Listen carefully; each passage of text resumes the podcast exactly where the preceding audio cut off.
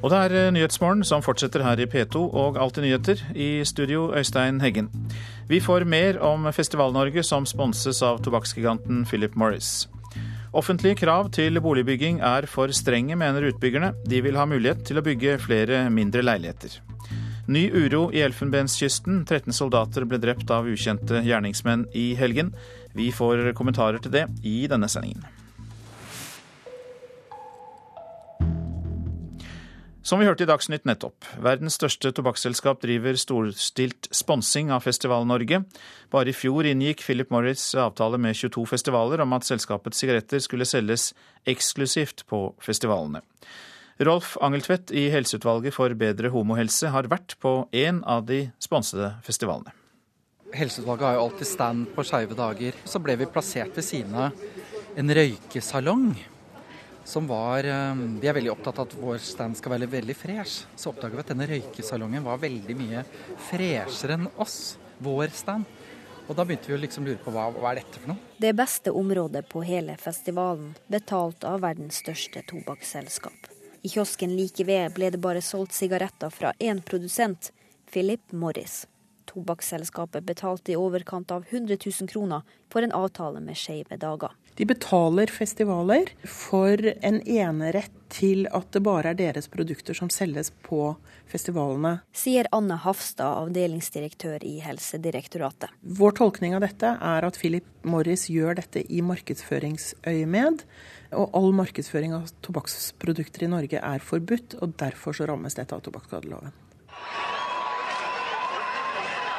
Tobakksgiganten sier sjøl at de har inngått avtale om enerett med 22 norske festivalarrangører. Helsedirektoratet vet med sikkerhet at to til tre av avtalene er ulovlige, men regner med at mange flere er det. Hafstad mener Philip Morris ser på festivalene som en gyllen mulighet til å rekruttere nye røykere. Det som er viktig for oss, er at de bryter, eh, bryter loven. Eh, men det er jo grunn til å anta at dette gjør de for at flere skal begynne med deres sigaretter. Enten det er røykere som normalt bruker andre merker, men som nå gjennom festivalen og at Philip Morris-merkene er det eneste man får kjøpt, finner ut at ja, det var jo egentlig bra, jeg fortsetter med det. Og dermed så får de flere røykere over til sine merker. Eh, det andre, og det er kanskje det mest alvorlige, er at det kan bidra til nyrekruttering av ungdom som i dag ikke røyker. Nå har Philip Morris fått beskjed om å stanse all sponsing av norske festivaler, men vedtaket kan påklages. Styreleder i Skeive dager, Helle Nyhus, sier hun vil vente til et endelig vedtak før hun kommenterer saken. Den juridiske biten som nå skal avklares, den uh, tenker jeg at eh, Helsedirektoratet og Philip Morris må ta seg imellom eh, først. Og så får vi se hva som kommer ut av de samtalene mellom Helsedirektoratet og Philip Morris så må vi inn og se skal vi forholde oss til det de kommer fram til. Helsedirektoratet sier bruddene på tobakksloven ikke får noen konsekvenser for festivalene som har inngått avtaler med Philip Morris. Men Rolf Angeltvedt i Helseutvalget mener festivalsjefene burde tenkt seg om før de tok imot tobakkspenger. Veldig mange festivaler har fokus på at de skal være miljøvennlige, de har kortreist mat. Da tar det seg ikke ut å ta imot penger for at Philip Morris kan få lov til å selge tobakk på området. Når det er en strategisk eh, hva skal jeg si, markedsføringsfremstøt for å treffe ungdommen der, der de er Når de hører på kul musikk, når de treffer de kule folka, at røyken skal passe inn i det. Det tilhører liksom 50-tallets markedsføringsstrategier. Og der bør man kanskje våkne litt i forhold til å ta imot den type penger.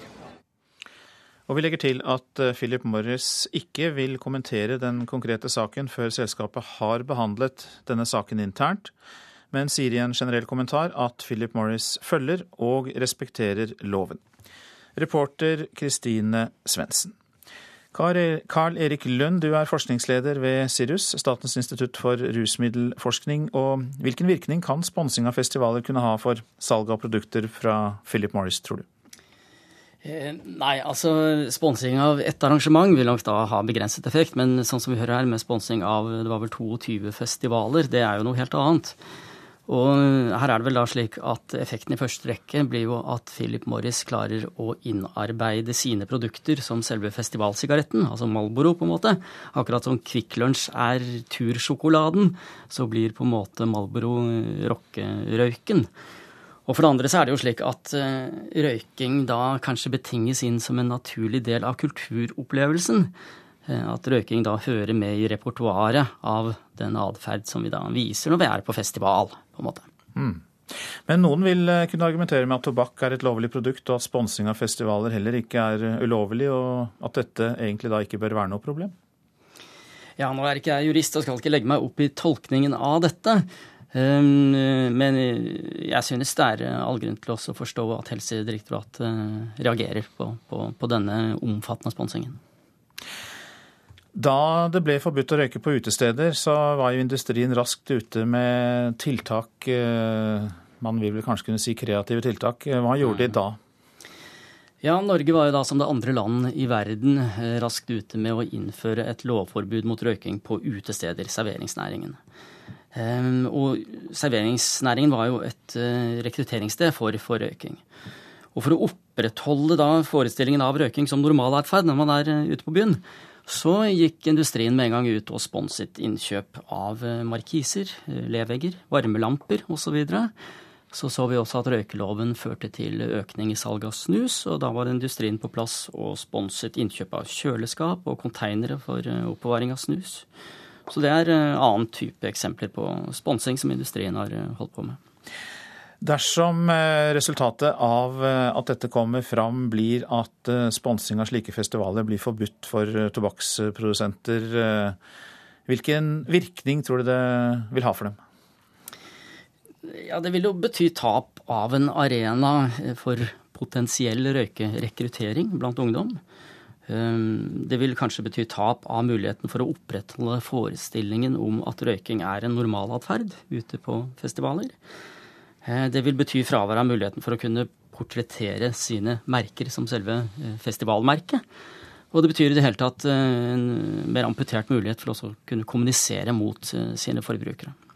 Tror du Philip Morris er alene om dette?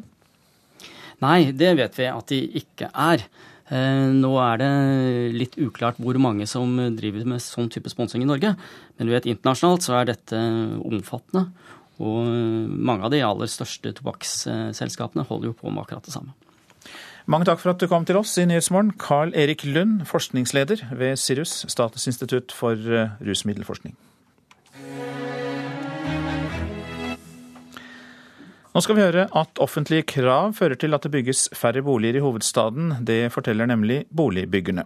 Halvparten av leilighetene i nye prosjekter må nemlig være over 80 kvadratmeter. Det krever kommunen. Og maks en femdel av leilighetene de kan være toroms. I tillegg så krever kommunen at utbyggerne må bygge mange flere garasjer enn det folk spør etter. Nei, altså det er, jo, det er jo kostnadsdrivende og lite miljøvennlig. Og det legger jo til rette for å bruke de parkeringsplassene. Så det blir jo til syvende og sist eh, fylt opp med biler, og det er jo imot hensikten. Forteller markedsdirektør Kjell Kvarekvål i boligbygget Niem. De bygger nå 1000 leiligheter på Grefsen i Oslo, et sted med et av de beste kollektivtilbudene i Norge. Der krever kommunen garasjer til de aller fleste leilighetene. I tillegg må minst halvparten av leilighetene i sentrale strøk være over 80 kvadratmeter når det skal bygges nytt, mens det folk etterspør er små leiligheter. Tidligere i sommer lå Birgitte Nordmann i kø tre netter for å sikre seg en ny toroms leilighet. Sånn går det når boligprisene er så sinnssykt høye. Da må man jo ta noen grep, da. Hvis man vil kjøpe seg noe. Det gjenstår å se om man får den leiligheten man ønsker seg, da. Det er jo litt spennende. Og når nye leilighetsprosjekt legges ut for salg, er dette typisk, forteller Kjell Kvarekvål i JM. Det vi ser er at uh, i flere konkrete Oslo-prosjekter så, så, får vi kø, og raskt så selges toromsleilighetene ut. Og så blir man sittende igjen med tre- og fireromsleilighetene som er mer tungsolgte fordi det er mindre etterspørsel etter dem.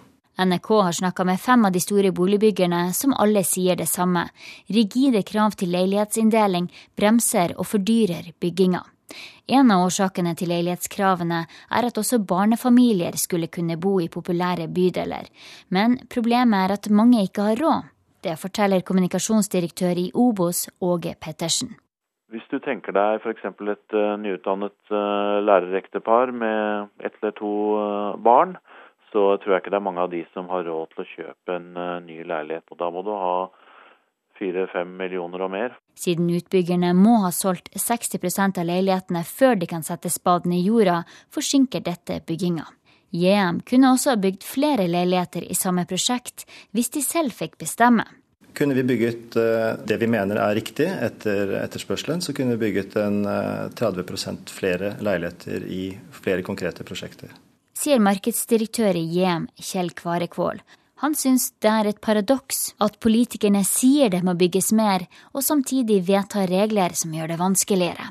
Byråd for byutvikling i Oslo kommune, Høyres Bård Folke Fredriksen, sier han skjønner frustrasjon. Jeg forstår eh, det som sies, og har tatt et initiativ til at det nå utarbeides en sak som skal fremmes for bystyret med en noe mindre rigid leilighetsfordeling.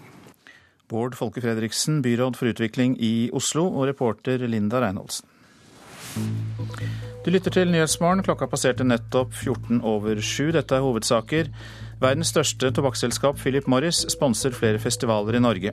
Flere andre tobakksprodusenter sponser også. Det sa Carl Erik Lund fra Statens institutt for rusmiddelforskning i Nyhetsmorgen nettopp. Offentlige krav til boligbygging er for strenge, hørte vi. Det må bygges flere mindre leiligheter, hevder utbyggerne. Egyptiske styrker har gjennomført luftangrep mot mål på Sinai-halvøya. Ifølge egyptiske medier er over 20 mennesker drept i angrepene. Røde Kors trapper i dag opp letingen etter savnede Sigrid Giskegjerde Skjetne. Det har nå gått over tre døgn siden 16-åringen forsvant i Oslo. I går kveld ble det sendt ut innkalling av letemannskaper fra sju fylker. Og reporter Henriette Mort, du er ved Skullerudstua, der søket koordineres. Hva mer kan du fortelle? Nei, Akkurat nå er det ganske stille. Søket har ikke blitt satt helt i gang enda. Eh, det begynner å komme folk fra både Norsk Folkehjelp og Røde Kors eh, for å sette i gang. Jeg har med meg eh, Lise Dunham, som er innsatsleder. Og hvor mange mennesker vil være med å lete i dag? I dag har vi fått nye, friske mannskaper fra både Røde Kors og Folkehjelpa. Redningshundene og også egne mannskaper fra politiet. De frivillige er ca. 90. Hva vil skje videre utover dagen? Vi fortsetter søket, eh, sånn som vi har gjort de siste dagene. Holder trykket oppe. Så da får vi bare håpe at eh, nye, friske krefter vil gi resultater i letingen. Takk til deg, Henriette Mort, som altså rapporterte fra Skullerudsletta. Hadde med seg Lise Dunham fra Oslo-politiet. Nå til det vestafrikanske landet Elfenbenskysten, der det er uro i den kommersielle hovedstaden Abidjan. Til sammen 13 soldater fra den, fra den nasjonale hæren ble i helgen skutt og drept i to militærleire av ukjente gjerningsmenn. Afrikakorrespondent Lars Sigurd Sunnanå, hvem antas å ha stått bak? En talsmann for president Alassane Ouattaras regjering legger ansvar på en militsgruppe som støtter Elfenbenskystens forrige president Laurent Gbagbo. Mange av Gbagbos tilhengere og støttespillere flyktet til Ghana da han måtte gi fra seg makten i april i fjor. Og Derfra prøver de nå etter beste evne å destabilisere landet og hindre gjenoppbyggingen av nasjonen etter borgerkrigen, som jo kom i gang og som krevde minst 3000 menneskeliv etter at Bagbo nektet å akseptere utfallet av presidentvalget i november 2010, som ga Otra presidentembetet. Under angrepene i helgen lyktes militssoldatene å få med seg store mengder våpen fra leirene som ble angrepet, så utviklingen er ikke positiv. Så hva kan du da si om uh, hvor stabil eller ikke stabil situasjonen er i Elfenbenskysten? Ja, Situasjonen er langt fra stabil i dette landet med mer enn 20 millioner innbyggere. Deler av Elfenbenskysten flommer over av våpen og uregjerlige militser og soldater som tar seg til rette overfor sivilbefolkningen. Og selv om FN har en stor fredsbevarende styrke i landet, råder det langt på vei lovløse tilstander en rekke steder. Dette gjør det svært vanskelig å få til økonomisk vekst og fremgang, samtidig som det gjør det ekstremt vanskelig for de internasjonale hjelpeorganisasjonene i landet å få gitt assistanse til titusener av internt fordrevne flyktninger etter borgerkrigen. Du blir med oss eh, videre, Sunna nå. Vi eh, vender oss mot deg, Astrid Sletten i Flyktninghjelpen. Du var i Elfenbenskysten like etter den store massakren våren 2011 og arbeidet med flyktninger fra Elfenbenskysten, da mest i nabolandet Liberia. Og hvordan vil du si at levekårene er for de internt fordrevne flyktningene? Levekårene for de eh, internt fordrevne inne i Elfenbenskysten er helt forferdelige. Den situasjonen som Lars Sigurd Sundheim beskriver, er helt reell. Og selv om i det store bildet så kan det høres ut som relativt få et tall, noen hundre tusen internt i Elfenbenskysten, og en 60 50 60 000 for eksempel, som har flykta til Liberia, så snakker vi jo her om individer som har mista alt de eier og har, og som frykter for sine liv. Som har reell frykt for sine liv. Hvem er disse flyktningene? Mange er Bagbo-tilhengere, eh, men mange er også antatt å være Bagbo-tilhengere ut ifra deres etniske bakgrunn. Eh, I tillegg så er det jo en del som flykter hals over hode fordi de bor i områder som er eh, utsatt for, for, angrep, og hvor, hvor enkelte krefter ønsker å destabilisere for å undergrave sittende president. Du var på jobb i Liberia i fjor da 220 000 flyktninger kom fra Elfenbenskysten til det landet. Hvordan er situasjonen for disse flyktningene som vel fortsatt er i Liberia? Ja, per i dag så er det ca. 60 000 flyktninger igjen i Liberia. og Over halvparten av dem lever under svært kummerlige forhold i leirene. De bor i plasttelt. Eh, de får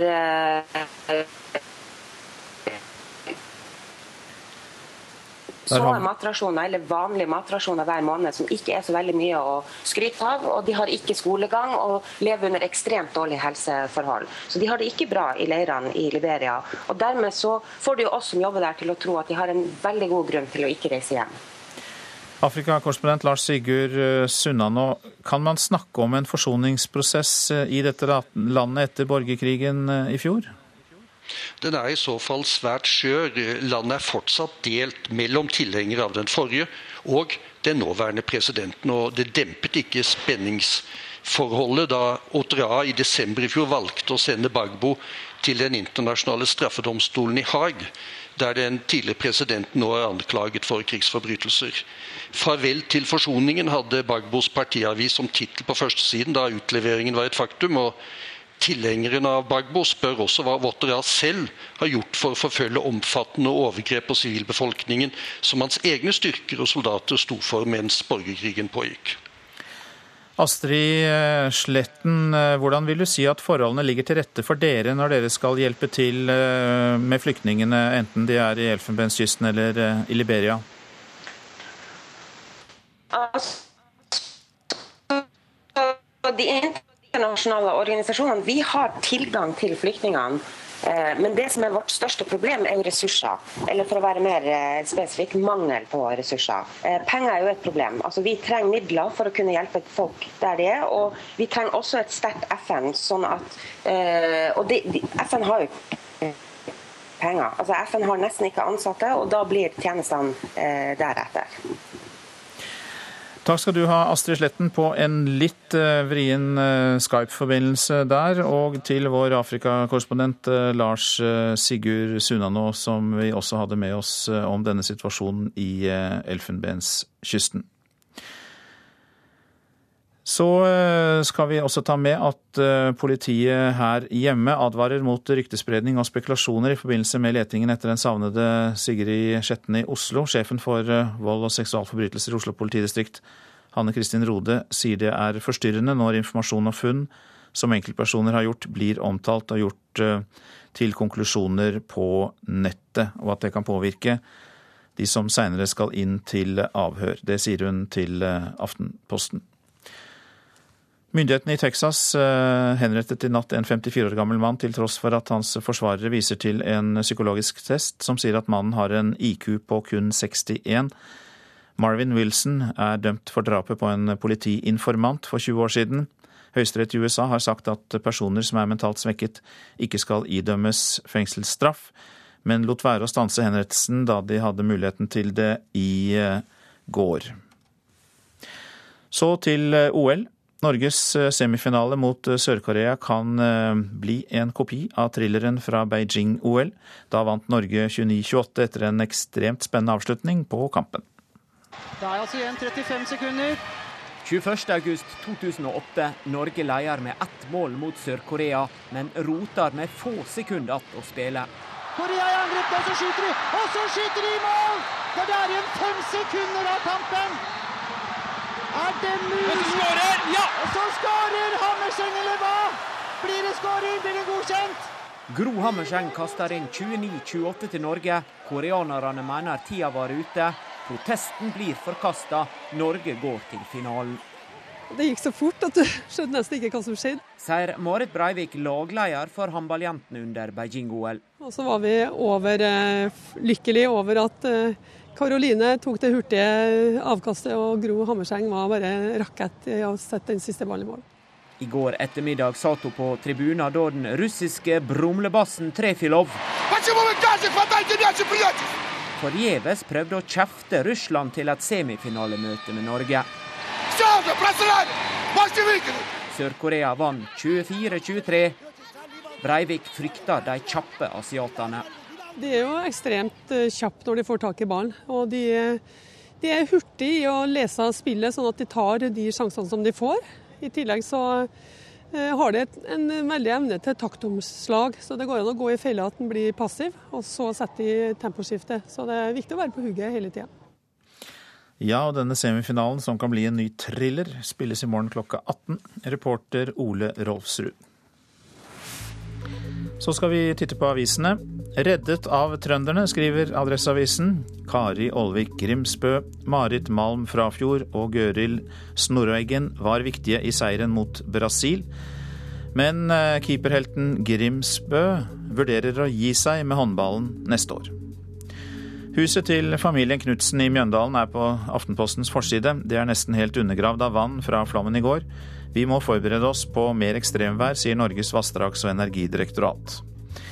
Mer nedbør, flommer og ekstremvær, det er også oppslaget i Dagsavisen. Klimaeksperter advarer oss mot en ny virkelighet. Kom deg ut og nyt sola, skriver derimot Nordlys. Meteorologene varsler smak av sommer i nord. Luksushoppingen rett opp kan vi lese på førstesiden av Dagens Næringsliv. Bilsalget nærmer seg jappetiden, champagnekorkene spretter som aldri før, og det er to års venteliste på eksklusive klokker og håndvesker. SV-leder Audun Lysbakken vil vrake statens voldgiftssystem, leser vi i Klassekampen. Etter regjeringens bruk av tvungen lønnsnemnd mot to streiker i sommer, vil SV-leder Audun Lysbakken vrake systemet for bruk av lønnsnemnd som Arbeiderpartiet har styrt etter i en årrekke. Aldri for gammel til å studere er oppslaget i Vårt Land. 69 år gamle Knut Borge drømmer om en ny mastergrad, og nå er han i gang med gresk. Stadig flere bruker pensjonisttilværelsen til studier. 28 år gamle og hjemløse Alf er på forsiden av Bergensavisen. Han eh, takket nei til hospitsplass i 2010 og bor i bilen på femte året. Bergen er den byen som har flest bostedsløse her i landet, skriver BA. Tror bygdepolitiet kunne tatt Breivik, skriver Nasjonen. Politiets fagforeningsleder Arne Johannessen tror et mer synlig bygdepoliti kunne avverget 22.07-tragedien. Og han frykter at 22.07-kommisjonens rapport i stedet vil bli brukt som brekkstang for økt politisentralisering. Klappjakt på mystisk bil er oppslaget i Dagbladet. Det er politiets beste spor i letingen etter Sigrid Giskegjerde Skjetne i Oslo. Politiet jakter på sexforbryter, skriver VG. Avisa viser en fantomtegning av en mann som sjekkes mot forsvinningen av 16-åringen, og DNA-spor knyttes til tre tidligere overgrep.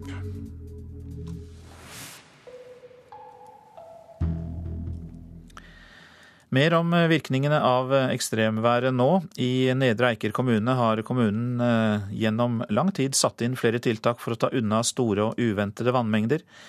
Men ekstremværet natt til i går viste at det likevel ikke var tilstrekkelig. Nå vil rådmannen øke innsatsen for å hindre slike vannskader som rammet Krokstadelva i går. Sånn høres det ut i en kjeller full av vann. Det er helt klart. Her ser vi en kjeller full av vann, ca. en meters høyde. og Det er vel da en, en god stable med ved som ligger og flyter. Det ser nesten ut som sånn tømmerfløting. Alt av løst innventar ligger og flyter. Vedkubber, kanner, vaskemaskin, tørketrommel, fryser, alt mulig. Det sier Ivar Karlsen fra Krokstadelva, som måtte tømme foreldrenes kjeller for flomvann. Og da Nedre Eiker kommune innså hva som var i ferd med å skje, handlet det om å begrense skadene. Det forteller fagansvarlig for avløp og renseanlegg i kommunen, Svein Krøvel Velle. Det var jo rett og slett å få prøve å begrense skadene. da. Eh, det var ikke mye vi fikk gjort med det egentlig, utenom å få sperre veiene, de veiene som ble oversvømma. Og eh, begrense skader på, på boliger, kjellere og sånn ved å dele ut eh, pumper, som vi har en del av der. Så de kunne komme hit og hente pumper og få pumpa kjellerne og garasjene sine. Men dette er ikke første gang Nedre Eiker rammes av enorme vannmengder. Senest i 2010 og 2011 flommet det over, og siden den gang har kommunen forsøkt å sikre seg. Det sier rådmann i Nedre Eiker kommune, Bengt Nystrøm. Ja, bl.a. så har vi jo utvida de bekkeløpa. Vi har steinsatt eh, bekkeskråningene. Vi har hatt utbedringer på dammene, eh, og så viste det seg nå at det ikke holdt. Nå vil kommunen satse videre på forebyggende tiltak. Nei, Det viktigste er å gjøre tiltak i miljøet. Det blir det viktigste for oss nå. Da tenker du på? Nei, Da tenker jeg på å se på de elveløpa som vi nå ser har gått over sine bredder. Det er der vi må satse. Og det må vi gjøre i samarbeid med NVE. Og det skal vi gjøre i samarbeid med Fylkesmannen og beredskapsavdelingen der. Vil uh, du ta initiativ til det, eller? Ja, jeg er rådmann, så det må jeg. Og det skal jeg. Hvilken erfaring eh, er det kommunen sitter igjen med etter den runden her? Alltid beredt. Må alltid være beredt. Det er vel den erfaringa vi er. Det dukker opp de underligste ting, så her må man ha planer eh, på gang, og man må ha gjort tiltak. Ja, den som sa alltid beredt, det var rådmann i Nedre Eiker kommune, Bengt Nystrøm. Reporter Helge Bull Engelstad. Prosent for nyhetsmålen i dag, Øsker Tufan. Her i studio, Øystein Heggen. Etter Dagsnytt om kritikken fra Israel mot Den internasjonale olympiske komité, som ikke ville ha ett minutts stillhet under åpningsseremonien for å markere 40-årsminnet for terroren mot OL i München.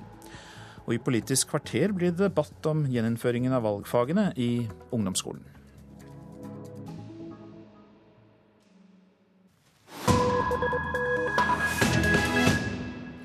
Og vi fortsetter med OL-relatert stoff. Presidenten i Den internasjonale olympiske komité, Jack Rogge, er en upopulær mann i Israel.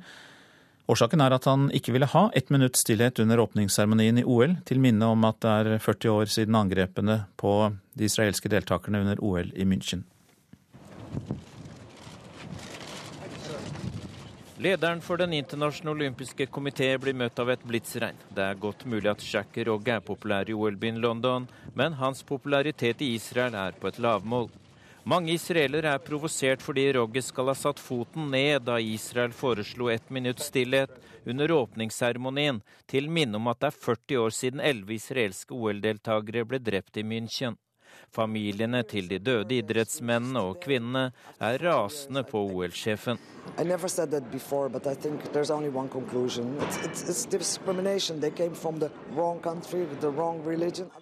De kom fra feil land med feil religion, sier Anki Spitzer sarkastisk. Hun er mor til en av atletene som ble drept i terrorangrepet for 40 år siden. Det er bare en konklusjon, dette er diskriminering mot israelere. Kvinnen viser til at under vinter-OL i Vancouver for to år siden ble en utøver som døde under trening før OL, minnet med ett minutts stillhet.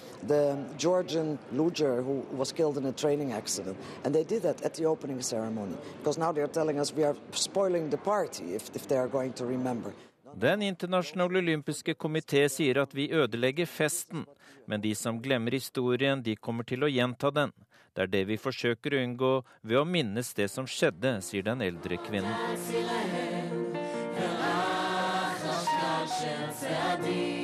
Mandag kveld arrangerte Israel en markering i sentrum av London. Til stede var statsminister David Cameron, Londons ordfører Boris Johnson og også mannen som er omstridt i Israel, Jacques Rogge. I can only imagine how painful it must be for the families and close personal friends jeg kan bare tenke meg hvor tungt det må ha vært for dere pårørende til de elleve som ble drept, sa han i sin tale. Men det at han motsatte seg en markering under åpningsseremonien, sitter dypt hos familiene.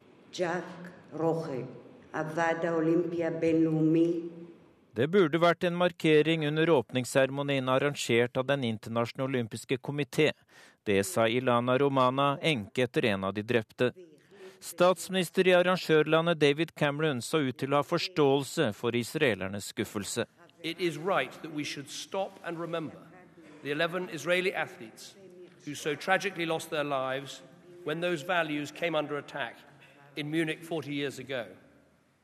It was a truly shocking act of evil, a crime against the Jewish people, a crime against humanity, a crime that the world must never forget. Det er riktig at vi bør stoppe opp og minnes de israelske ofrene for OL i 1972. Det var en kriminell handling som vi aldri må glemme, fortsatte Cameron. Mest applaus under seremonien som Israel sto bak i London, var nevnte Anki Spitzer. Hun innledet med å rette blikket mot Jack Rogge og Den olympiske komité med ordene 'Skam dere'. So shame on you, International Olympic Committee, because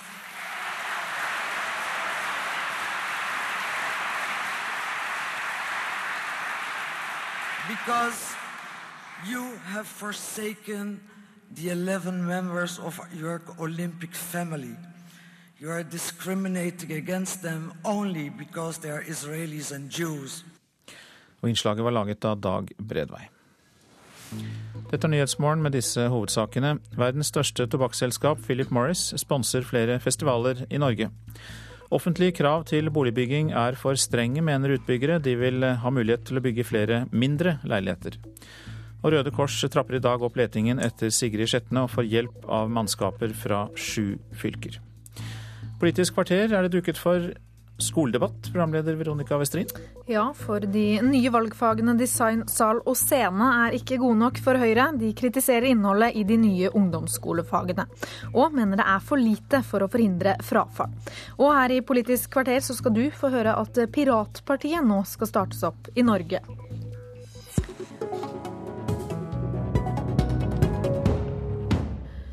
Vel møtt til Politisk kvarter. Fra dette skoleåret så gjeninnføres valgfagene i ungdomsskolen, men allerede før de er innført, så kritiserer Høyre nå innholdet i de åtte nye valgfagene. Og hva er det dere ikke liker, Jan Tore Sanner? Jeg har først lyst til å si at, eh, at det skjer veldig mye positivt i norsk eh, skole. Eh, og på en del områder ser vi nå også forbedrede resultater, og det skal vi glede oss over. Og jeg ser også at valgfag eh, kan være et virkemiddel. Men det som er vårt, vår hovedkritikk, det er eh, når kunnskapsministeren sier at dette er den store milepælen i å løfte ungdomsskolen, og at dette vil føre til store reduksjoner i frafallet i videregående skole. Da virker det som det er noe fundamentalt som de rød-grønne politikerne ikke har forstått. Nemlig at hovedproblemet i skolen det er at for mange elever ikke kan lese, skrive og regne skikkelig når de går ut fra skolen, og at for mange elever ikke får utnyttet sitt potensial. Da er svaret å satse på læreren, sørge for at vi får flere kompetente lærere som er motiverende valgfag. Eh, hvis det ender opp som kosefag i skolen, så er det et dårlig virkemiddel. Hvis eh, det er fag som bygger opp under de øvrige fagene i skolen, så kan det fungere godt. Men halvannen time valgfag i skolen, det løser ikke utfordringene. Det er de 28 andre timene som er avgjørende. Men Betyr det at du vil ha mer teori inn i valgfagene? Når vi åpner for valgfag, så mener jeg at det må være et mangfold. fordi at vi vet at mange elever de sliter med at det er for mye teori i, i skolen. Men jeg hadde gjerne sett at uh, f.eks. annen fremmedspråk hadde vært et valgfag. Slik at de elevene som ønsker å studere mer fag, hadde hatt mulighet til å, til å gjøre det. Men, men igjen tilbake til hovedutfordringen. fordi at mange skoler, mange kommuner sliter med å få kompetente mattelærere.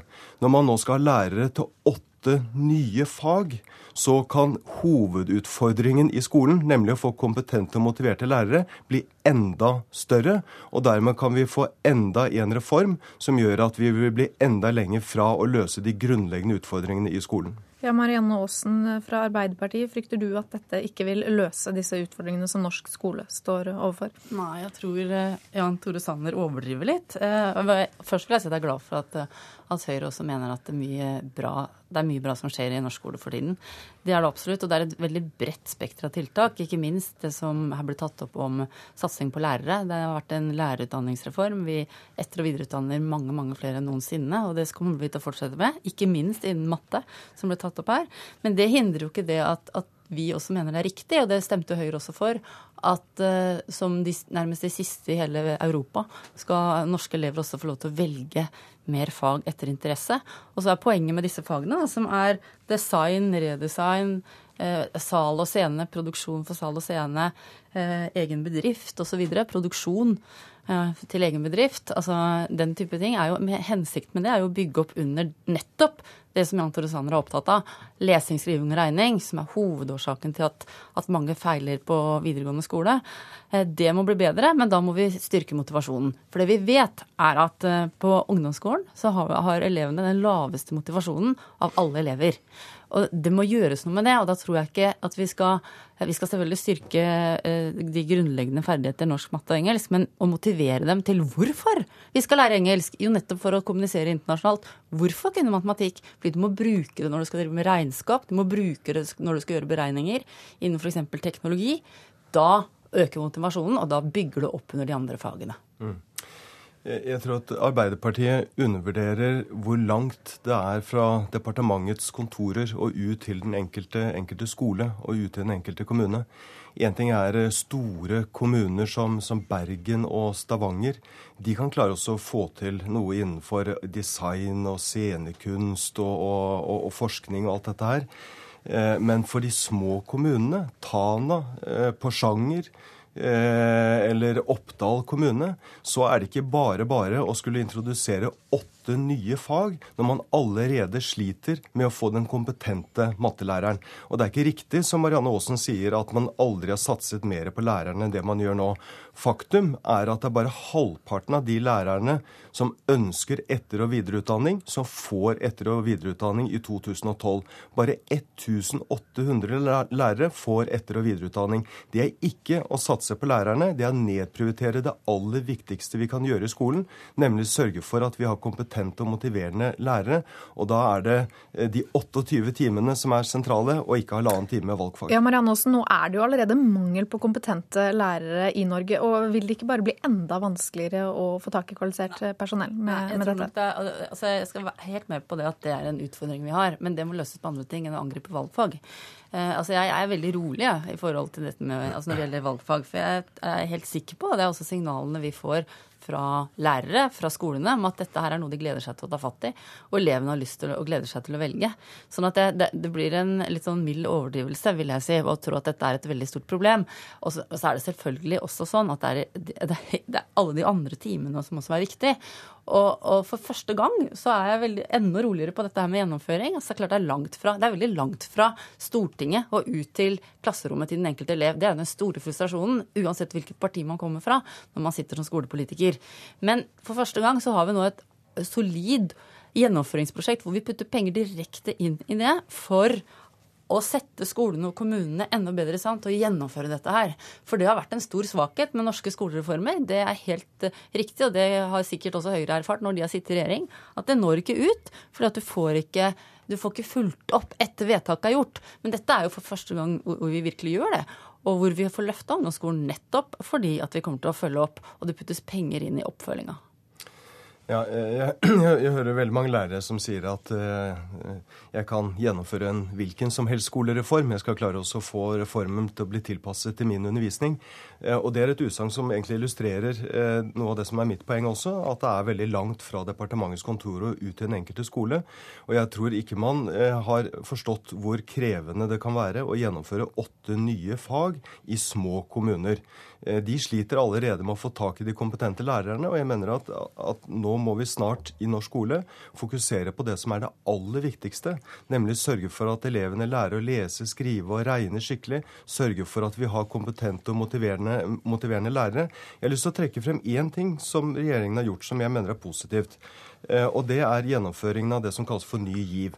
Fordi at vi vet at det er altfor mange elever som på, på, på, løpet av ungdomsskolen har så grunn, manglende kunnskaper at de ikke vil makte videregående skole. Men dette gjennomfører man da etter jul i 10. klasse. Jeg kunne ønske meg at, eh, at, regjeringen hadde åpnet for at Ny GIV kunne starte med allerede i 8. klasse, slik at de elevene som mangler de grunnleggende ferdighetene i matematikk og, og skriving, at de kunne få spesiell oppfølging allerede i ungdomsskolen. Ja, jeg vil si at gjør det viktigste først. Sørg for at elevene kan lese, skrive og regne, også gjerne valgfag, men det må bygge opp under de sentrale skolefagene. Det er akkurat det vi gjør. Vi er jo helt enige i dette her, om at de grunnleggende ferdighetene skriving, regning, lesing, Kunnskapsløftet har vi vedtatt enstemmig. Sånn det, Men hvorfor ikke starte med Ny GIV tidligere? Nei, fordi det er, jo, det, er jo, et nødtiltak, nesten. Altså et, egentlig så er det jo kommunene som har ansvar for opp, grunn, hele opplæringa i ti år. Og, vi, og egentlig så forventer vi jo at, at, folk, at, alle barn som kommer ut av ungdomsskolen, skal kunne lese, skrive og regne. Og i tillegg bruker vi jo titalls milliarder på spesialundervisning. La meg snakke ut. Titalls eh, milliarder på spesialundervisning for å fange opp dette. Likevel så ser vi at det er så stort frafall. Da setter vi inn et nytt tiltak som ingen andre har tenkt på, i hvert fall ikke fra borgerlig side. Og så, og, og, og så blir det kritikken på at ikke det er nok. Vel, jo. det er fint du, du syns det er bra, men Men, eh, men Marianne Aasen, eh, Ny GIV er ikke et nødtiltak. Det er ikke slik at, at det bare er en liten gruppe som sliter med grunnleggende lese-, skrive- og regneferdigheter. Det er en altfor stor gruppe. Det er en av hovedutfordringene i norsk skole. Ja. Og når men, vi men ser det store, frafall, det store, frafallet i videregående skole, så er det jo fordi mange mangler disse grunnleggende ferdighetene. Og da må vi fange opp de elevene mye tidligere.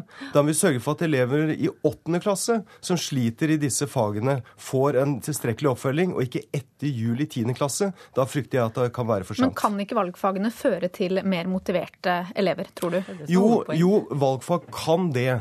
Men, det, men, men, samtidig så er, det, så er, det, lærerens evne til å motivere elevene i de 28 timene som er det avgjørende, og ikke halvannen time valgfag. Til deg, Marianne Aasen, forstår du ikke kritikken fra Sanner? Nei, for jeg mener at det ikke er de motsetningene han prøver å skape. Vi må ha ny giv, vi må ha valgfag, vi må ha grunnleggende ferdigheter og satsing på det fra første klasse, ikke fra åttende klasse.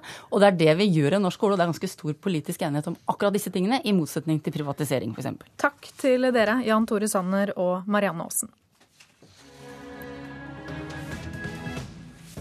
Vi skal se kjapt på hva avisene skriver i dag. Audun Lysbakken vil vrake ordninga med tvungen lønnsnemnd.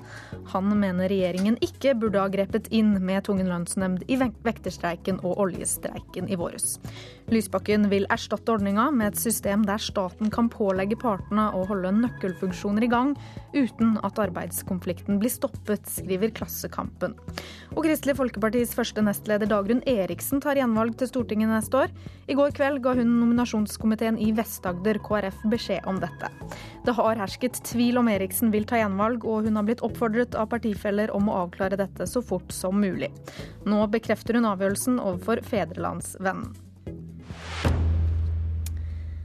En arbeiderpartipolitiker i Sogn og Fjordane har meldt seg ut av partiet for å starte Piratpartiet i Norge.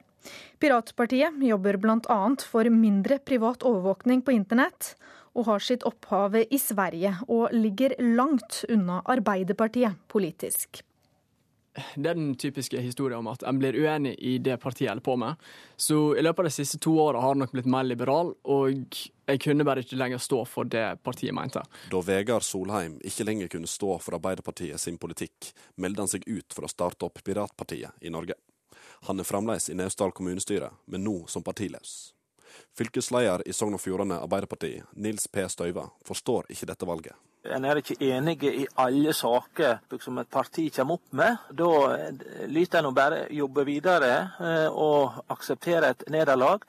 Men det som er viktig, det er at en har et grunnsyn som en eh, moderpartiet står for. Og jeg oppfatter det slik at, at Vegard har støtta grunnsynet til Arbeiderpartiet, og derfor syns det er lett at han melder seg ut. Ja, altså, sånn, som det er nå, sånn som det er nå, så har jo Solheim sitter framfor datamaskinen og leser gjennom det som skal bli partiprogrammet til Piratpartiet. På skjermen er program som Steam og Spotify, som gjør det enklere og billigere å dele informasjon og tjenester via internett. Det er dette som engasjerer Solheim. Piratpartiet han nå vil starte, har sine røtter i den svenske nettsida The Pirate Bay, som i 2009 ble dømt for å legge til rette for ulovlig nedlasting av filer på nettet. Vi støtter ikke ulovlig fildeling som at alle kan bare ta det de føler for. Du blir aldri kvitt det, men en kan gi skikkelige alternativ til det.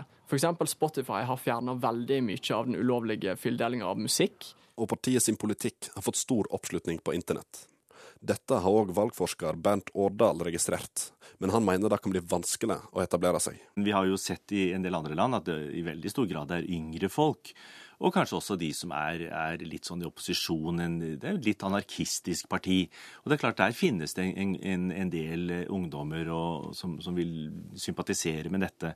Men så er det igjen dette, dette som jeg nevnte i sted, at du skal også stille opp i valgurnene. Og der er det jo en god del av, av nettopp denne gruppen som kanskje bruker stemmeretten sin i mye mindre grad enn andre. For å etablere seg som et politisk parti i Norge trenger Piratpartiet 5000 underskrifter på landsbasis. Det er denne prosessen Solheim nå er i gang med. Men å komme inn på Stortinget, da er verre, mener Årdal. Det er klart at det å komme inn som et nytt parti, eller det å stille liste Man behøver jo ikke være registrert som parti for å stille liste, men det har jo vist seg å være mye vanskeligere enn det man kanskje skulle tro på forhånd. Vi så jo f.eks. Miljøpartiet på 70- og 80-tallet slet lenge med å, å, egentlig få noe fotfeste, og har egentlig ennå ikke klart å få det. Så det er, ikke, det er ikke helt enkelt. Og heller ikke Nils P. Støyva har spesielt tru på Piratpartiet som en politisk konkurrent. Nei, jeg gjør ikke det. Vi har har opp gjennom åra hatt veldig mange forsøk på nasjonale partietableringer. Og Det har vist seg at dette blir døgnflue. Det kommer opp med et par promille i støtte, og så forsvinner de etter hvert. Men sunnfjordingen Vegard Solheim vil likevel jobbe for å etablere partiet i Norge og få dem på Stortinget. Men sjøl har han ingen ambisjoner om å bli stortingsmann. Jeg har ikke så veldig stort ego, men jeg liker å hjelpe, og jeg håper og vil iallfall jobbe alt jeg kan for at Piratpartiet skal komme på Stortinget. Og i Sverige fikk Piratpartiet en oppslutning på bare 0,6 ved riksdagsvalget i 2009, men sitter i dag med to representanter i EU-parlamentet. Reporter var Anders Weberg. Og med det er Politisk kvarter ferdig. NRK P2 er på de beste musikkfestivalene og gir deg konsertene og opplevelsene der du er. Festivalsommer i P2. Risør.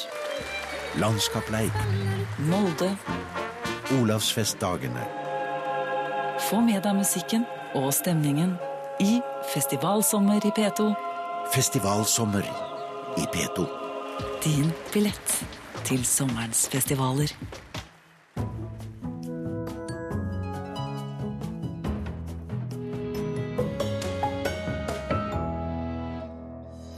Festival-Norge sponses av tobakksselskap, og Helsedirektoratet vil stanse dem, som vi hørte i Dagsnytt.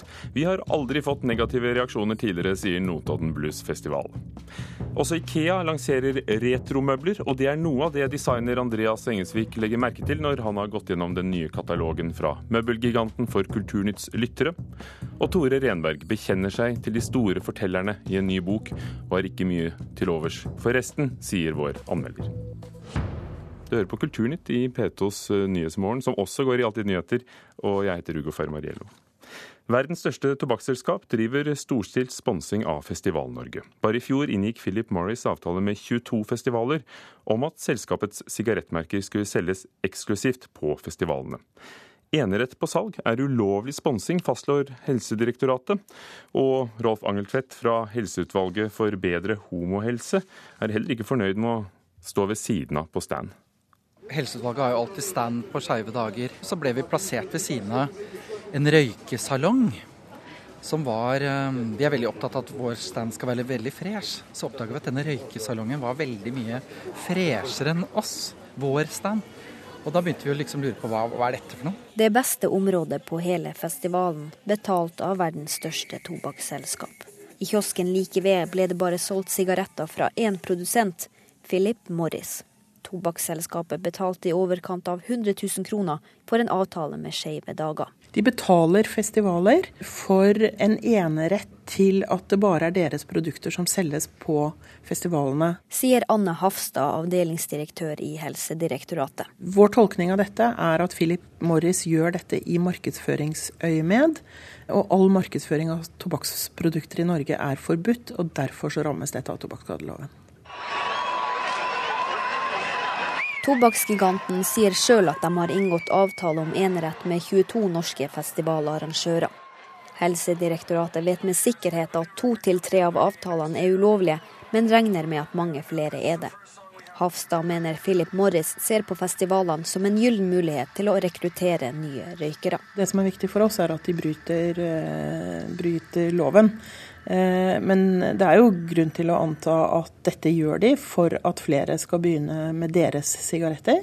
Enten det er røykere som normalt bruker andre merker, men som nå gjennom festivalen og at Philip Morris-merkene er det eneste man får kjøpt, finner ut at ja, det var jo egentlig bra, jeg fortsetter med det. Og dermed så får de flere røykere over til sine merker. Eh, det andre, og det er kanskje det mest alvorlige, er at det kan bidra til nyrekruttering av ungdom som i dag ikke røyker.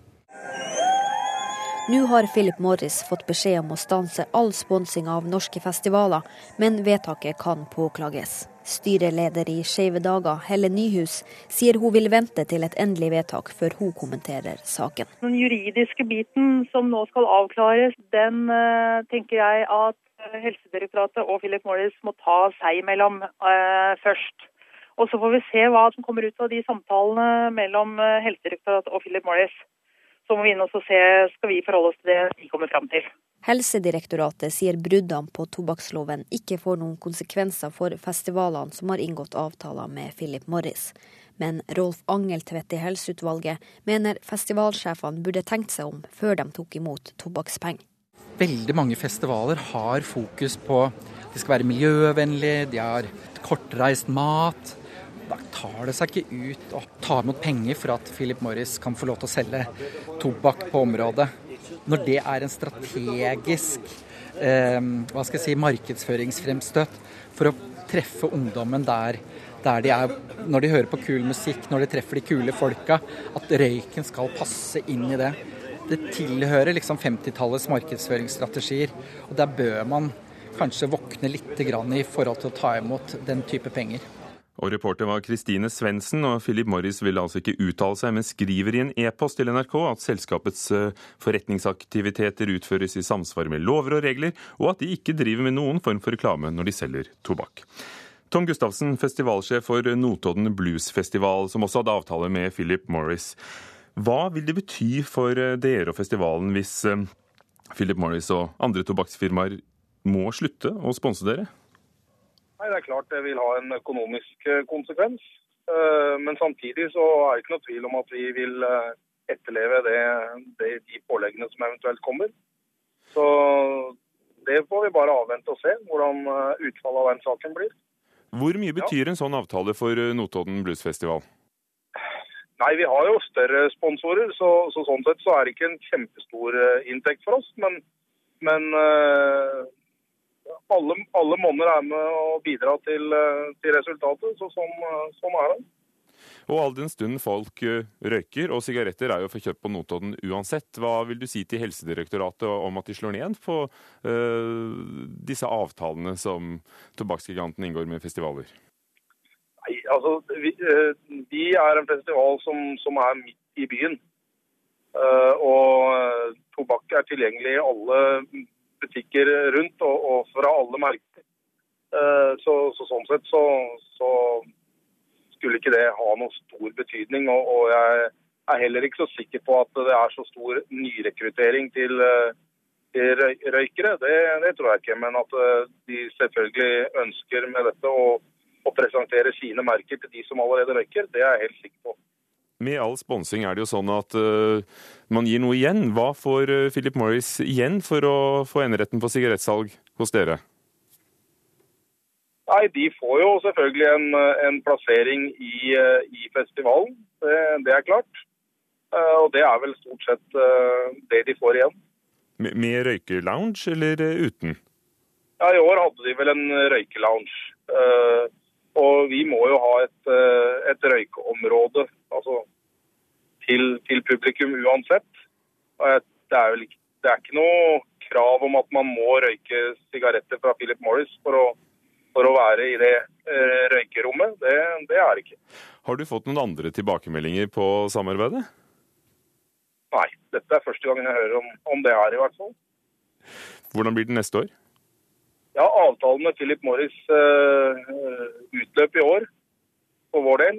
Eh, Så får vi se. da. Vi får ta en evaluering og, og komme fram til om dette er noe vi ønsker å fortsette med, og, og likeledes om de ønsker å fortsette med oss. Kunne dere tenke dere å, å fortsette til neste år? En lignende avtale, om ikke med dem, med andre? Ja, jeg ser ikke noe spesiell grunn til noe annet. Eh, Det har vært eh, Det er et tilbud til publikum eh, som røyker. Så jeg ser ikke noe grunn til, til noe annet. Sa Tom Gustavsen fra Notodden Bluesfestival. Takk for at du var med.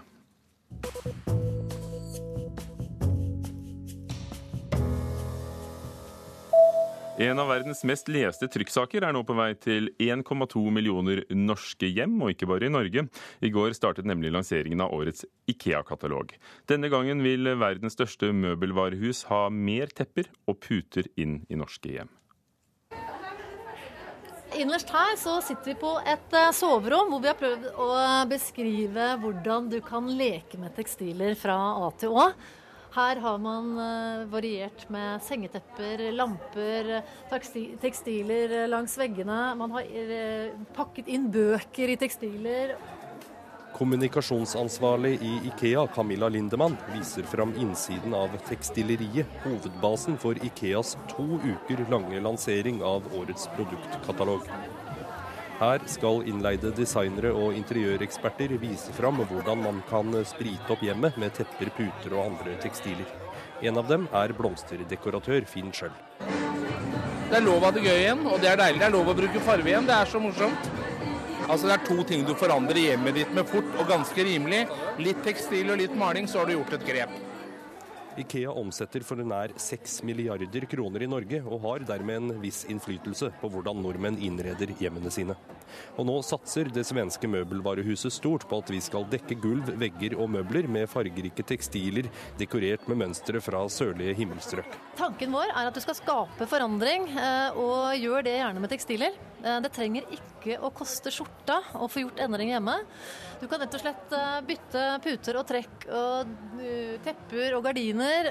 Og du kan også pakke inn en kommode som vi har gjort der. Altså brukt helt vanlige tekstiler og trukket om en kommode. Og det er jo en mye morsommere versjon enn det du kanskje har hatt tidligere. Sa Camilla Lindemann hos Ikea, og reporter var Halvor Haugen. Andreas Engesvik, designer, som er kjent for å tegne produkter for mange produsenter, og gjesteprofessor i Stockholm. Du har lest årets Ikea-katalog i natt for Kulturnytt. Hva er det første som slår deg? Det første som slår meg, er vel at den preges av mye tekstiler og tepper og eh, ting som man kan skape forandring med lett. eh, Og at den på en måte er dempet litt i eh, tøffhet og finhet siden i fjor. Eh, Hva vil du si om disse tekstilene og teppene og putene? Nei, hva skal man si om det? Eh, det vil jo si at det er mye typisk, og eh, eh, Ikea sine folk er flinke til å fange opp det siste og det nye, og de er flinke til å følge med internasjonalt. Men hvorfor tror du de satser på nettopp dette, som kanskje har vært borte noen år? Jeg tror at tekstiler og puter er et nytt forretningsområde til, for Ikea, og at det er gode penger å tjene. Det tror jeg er en hovedmotivasjon. Ellers så tror jeg det at, eh, som Ikea sier selv, at de kan skape, man kan skape mye forandring med, med enkle grep da, med tekstiler i et Mm. hjem. Hvordan finner de frem til hva som passer i år? Hvordan tenker du at de har tenkt i i forhold til å treffe forbrukere? Ikea har jo eh, veldig mange flinke mennesker som jobber for seg, eh, og eh, veldig mange som er superkompetente. Eh, så det skal man huske på, at de, eh, de, får, de får alltid fatt i de beste folkene. Så de eh, Ikea sine inhouse-grupper de jobber jo med å følge med på, på det som skjer i verden, og det er ikke noe problem for dem å på en måte forutsi eller, eller peke framover i tid. da. Det, det er ganske enkelt. Men hva er årets trender i stil Årets- og utseende, slik de presenterer? ja, det et spørsmål. Eh, Jeg tror Ikea, eh, Ikea sin styrke er vel at de på en måte dekker eh, mange målgrupper, og at de dekker over la oss si en, mellom fem og ti hovedtrender. Det kan se ut som et stort samlet uttrykk, kanskje, men, eh, men er, de, beveger, de, de dekker da flere, flere par, parallelle spor, da, kan man si. Kan du identifisere noen av dem? Eh, tja, eh, du har jo en sånn veldig et, et nordisk blondt uttrykk eh, som også er litt sånn tilbakeskuende. Eh, gamle ting. De har jo lansert en gammel lenestol som eh, Ingvar Kamprad lanserte i 50-årene.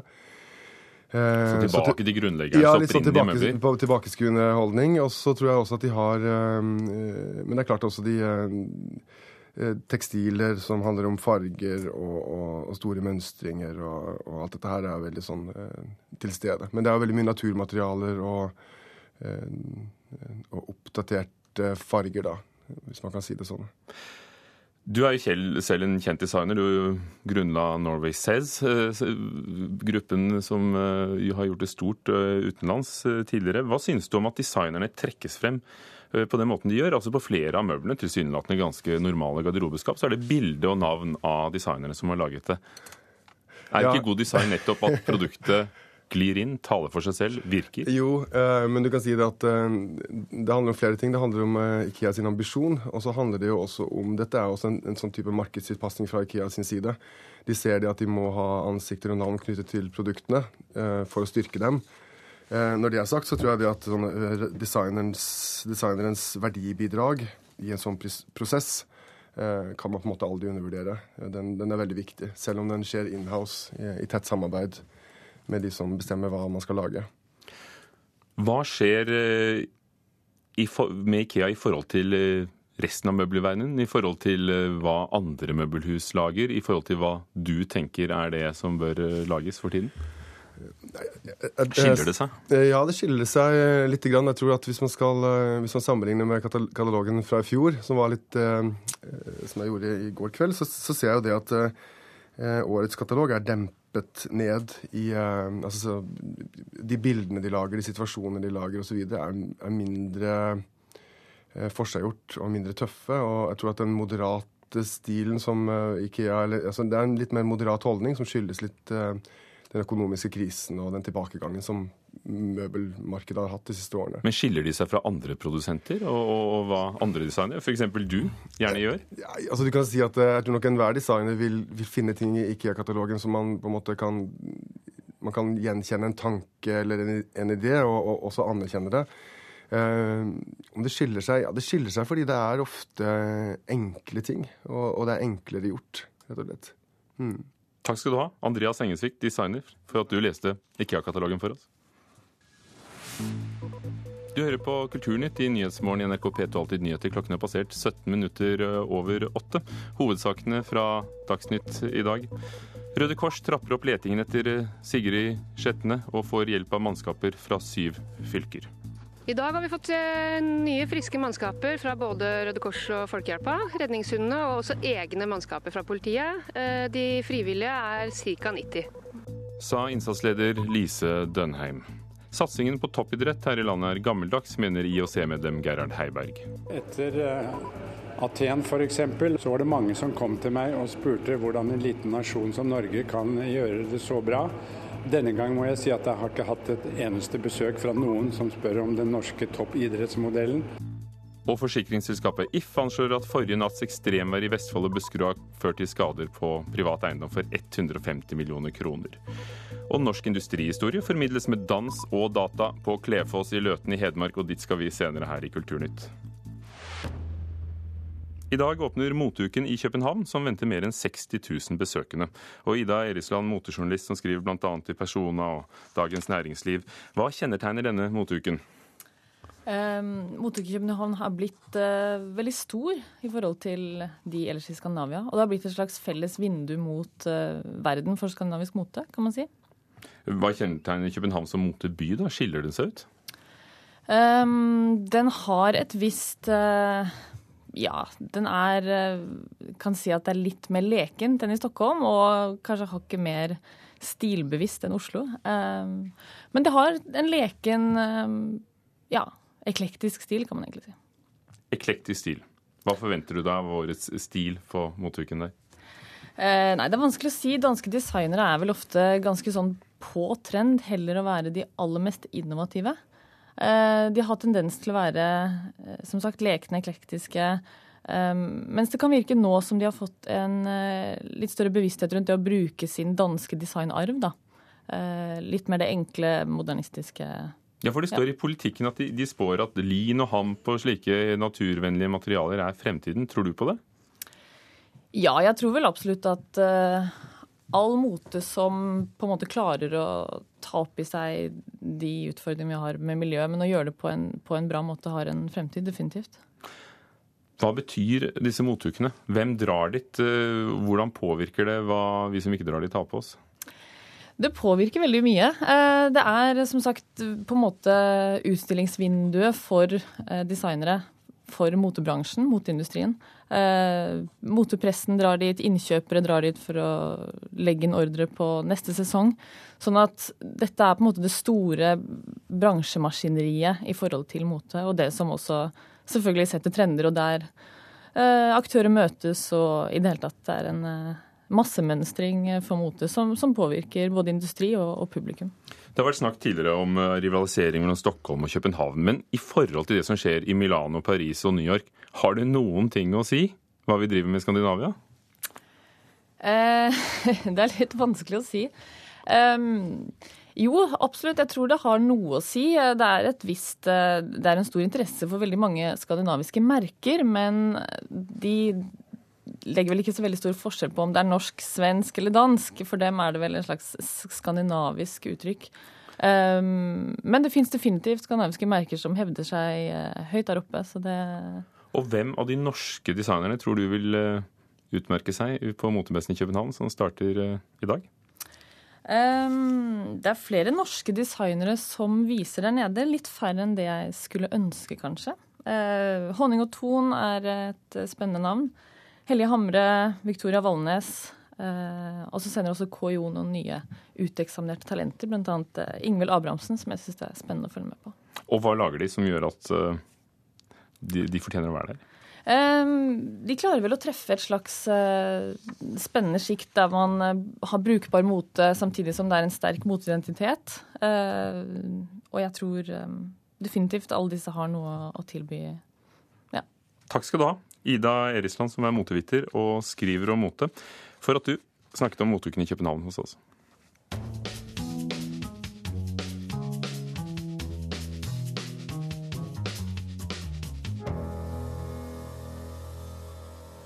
I 2009 holdt Tore Renberg, forfatteren, et foredrag på Litteraturhuset i Oslo med tittelen 'På fest hos litteraturen'. I disse foredragene, for det var flere, hyllet han tre forfattere fra en fortellende og realistisk tradisjon. Franske Honoré de Balzac, svenske Selma Lagerlöf og islandske Haldor Laksnes. Disse foredragene er nå kommet i bokform, men Renberg er ikke nådig mot dem som ikke liker en annen type litteratur enn ham selv, konstaterer vår anmelder Knut Hoem. Hvis du har fulgt med litt, så vet du at Tore Renberg har gjennomgått en forvandling. Han tar avstand fra den modernistiske og vanskelige litteraturen som han ble opplært til å like på universitetet på 90-tallet. Nå er det den gode fortellingen som teller. Renbergs hovedpoeng kommer godt frem når han går i klinsj med nestoren innen litteraturvitenskap i Bergen, Atle Kittang. Kittang mener Honoré de Balzacs roman 'Far Goriot' er uleselig i dag, dersom du ikke har litt kjennskap til det franske samfunnet på begynnelsen av 1800-tallet. Dette skjønner Renberg ingenting av, fordi at Balzac boltrer seg i detaljer og interiører på pensjonater i datidens Paris, gjør ikke disse bøkene mindre tilgjengelige for dagens lesere. Tvert imot, mener han, og der følger jeg han langt på vei. Ja, faktisk hele veien. Er jeg så enig i dette støyende hurraet for den gode fortellingen? men Nja. Jeg er vel enig helt til jeg støter på en god modernistisk roman eller et eksperimenterende litterært essay som representerer den motsatte typen litteratur. Så vinglete er jeg, en slags Ole Brumm med en labb nede i hver av honningkrukkene. Men det er inspirerende å lese Tore Renberg fordi han er litt alene om å hylle den realistiske litteraturen her i Norge nå, og det med en annen tilnærming enn de hadde på 70-tallet. Gjennom foredragene om franske Honoré de Balzac, islandske Haldor Laksnes og svenske Selma Lagerlöf gjenoppdager Renberg mulighetene som ligger i den litterære realismen, med sine sprelske fortellere og viltre persongalleri. Han nærmer seg på forfatterens vis problemstillinger som du sjelden ser behandlet i vitenskapelige avhandlinger, som for eksempel hvilken følelse du sitter igjen med etter å ha lest litteratur. Hvilken følelse sitter du f.eks. igjen med når du leser Kafka? Utmattelse. Thomas Mann kraft. Dag Solstad uhøflig hikke. Tarjei Vesaas, hysj, bare et hysj. Og hva så med gjenstanden for undersøkelsen, Honoré de Balzac? En fest. Det er en ren fest. En fest er det også å lese disse foredragene nå når de er kommet i denne pene lille boken, utstyrt med mange interessante fotografier av de tre forfatterne. Ja, det er en fest, selv om svartkledde modernister for tiden ikke er velkomne i det renbergske hjem. Knut Hoem, vår litteraturanmelder som hadde lest på fest hos litteraturen av nettopp Tore Renberg. I kveld er det urpremiere på Blod, jern og olje, volum to, på Klefoss industrimuseum i Løten i Hedmark. Forestillingen er en hyllest til det gamle industrisamfunnet og tar utgangspunkt eh, rundt de gamle fabrikkmaskinene. Eh, hva ville skjedd hvis de kunne snakket til oss? Dette forestillingen der maskinen egentlig taler løs. Klefoss cellulose- og papirfabrikk fra 1888 er Norges minste og best bevarte cellulosefabrikk. Her står maskinene slik de var da fabrikken ble lagt ned i 1976. Det er det som er spesielt med Klefoss, at den er eh, så godt bevart.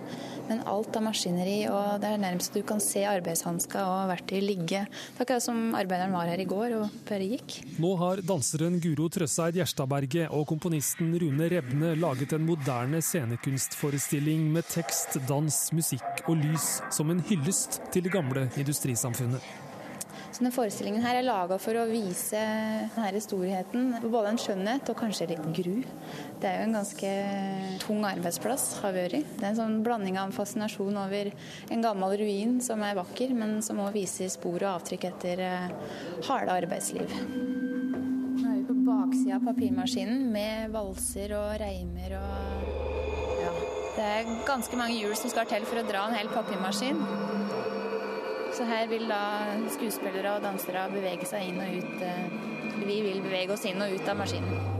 Fire aktører er med på forestillinga som har kostet 1 million kroner, og er støttet av bl.a. Norsk kulturråd, Fond for utøvende kunstnere, Fritt Ord og Teater Innlandet. Forestillinga spilles mot midnatt, når industrilokalene er mørklagte. Det er en utrolig fin opplevelse å komme hit på kveldstid. Da er det ekstra Nesten litt sånn eh, spøkelsesaktig innimellom. Det er ljuden som er eh, inne der. Ludvig Elblaus programmerer musikken til kveldens premiere. Eftersom at denne forestillingen er såpass spesiell og platsspesifik, så har vi vært tvunget å bygge våre egne verktøy. Alt lyd og alle projeksjoner, all grafikk genereres av litt modernere maskiner, datamaskiner. Seks datamaskiner, 20 høyttalere, fire prosjektorer, lys og lyd. Det er en høyteknologisk forestilling som skal foregå i de gamle industrilokalene. Så Det er jo litt sånn paradoks.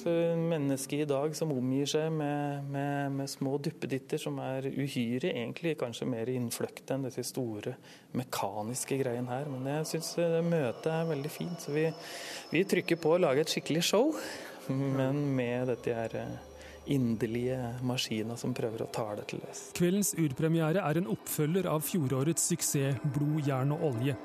I fjor var det mennesket som betraktet maskinene, i år er det maskinene som betrakter mennesket. Den eh, kombinasjonen av samtidskunst og det her gamle er en ganske fin eh, kombinasjon. for vi vi opplevde i fjor at både den eldre, gamle papirarbeideren og den yngre, som kanskje er mer vant til å se samtidskunst, syns at dette var en utrolig flott opplevelse. Så det er eh, utrolig moro for oss å få lov å sette opp eh, en oppfølger nå. Som er enda mer spektakulær enn den i fjor. Ja. Så her gjelder det å flyge og komme sånn. Og det var reporter Steiner Seide som hadde vært på Blod, jern og olje, som også har premiere på Klefoss industrimuseum i Løten i kveld. Kulturnytt var ved Halvor Haugen produsent, Per Ivar Nordahl teknisk ansvarlig og Ugo Fermariello programleder. Du hører på Nyhetsmorgen i NRK P2 og Alltid nyheter.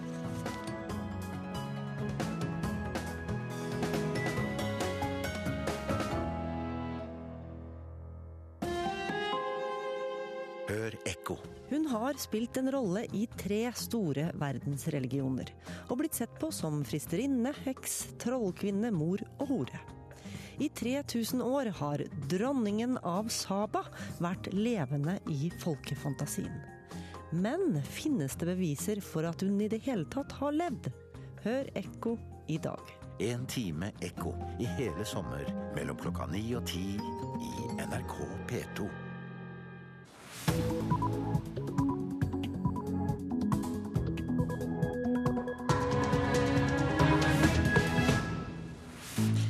Og Nyhetsmorgen fortsetter i P2 Alltid nyheter. Vi får mer om tobakkssponsingen av norske festivaler. Søket etter Sigrid Skjetne pågår fortsatt. Lederen for Søk i Røde Kors, Arve Austad, kommer hit til studio. Opprørshæren i Syria mishandler fanger, sier Human Rights Watch. Ja, verdens største tobakksselskap driver storstilt sponsing av Festival-Norge. Bare i fjor inngikk Philip Morris avtale med 22 festivaler om at selskapets sigaretter skulle selges eksklusivt på festivalene. Enerett på salg er ulovlig sponsing, fastslår Helsedirektoratet. Sol og musikk trakk 35 000 festivaldeltakere til Skeive dager i fjor. Philip Morris sørga for et eget område for røykere, forteller Rolf Angeltvedt i Helseutvalget for bedre homohelse. Det var freshe sofaer. Det var gjort veldig sånn Ibiza-lignende fresht. Det er sånn at det skulle være kult å sitte der og, og slappe av og røyke. Og det var antageligvis den beste spotten også på festivalområdet. I kiosken tilknytta området var det bare én type sigaretter å få tak i, Philip Morris sine. De betaler festivaler for en enerett til at det bare er deres produkter som selges på festivalene. Sier avdelingsdirektør i Helsedirektoratet Anne Hafstad. Tobakksgiganten sier sjøl at de har inngått avtale om enerett med 22 norske festivalarrangører.